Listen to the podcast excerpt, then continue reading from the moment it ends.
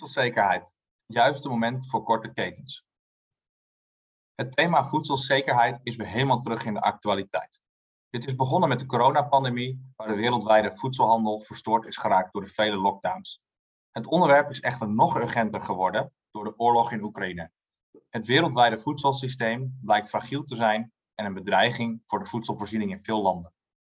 Zo zijn veel landen afhankelijk van granen uit Oekraïne. Desondanks luidt het adagium Never waste a good crisis.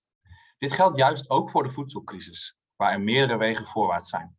De belangrijkste is het meest urgent, maar vergt ook de langste adem. En dat is het verkorten van de voedselketens. Op dit moment is een keten van een gemiddelde maaltijd, volgens Barbara Baarsma van de Rabobank, ongeveer 30.000 kilometer. Een kortere voedselketen is niet alleen een oplossing voor de kwetsbaarheid van het voedselsysteem, maar levert ook andere voordelen op.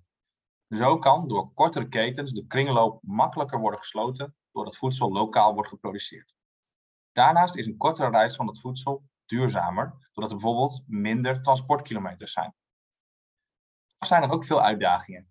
Denk bijvoorbeeld aan de aangepaste logistiek, de bestaande subsidiestromen die hier niet op ingespeeld zijn en de kennisontwikkeling die nodig is voor meer hoogwaardig lokaal geproduceerd voedsel.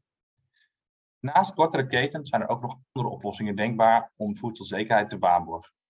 Hierbij kan bijvoorbeeld gedacht worden aan het stimuleren van de markt voor eiwitvervangers of het tegengaan van voedselverspilling. Daarnaast zou de teler zich meer in kunnen zetten voor het produceren van betaalbaar eten met een hogere voedingswaarde.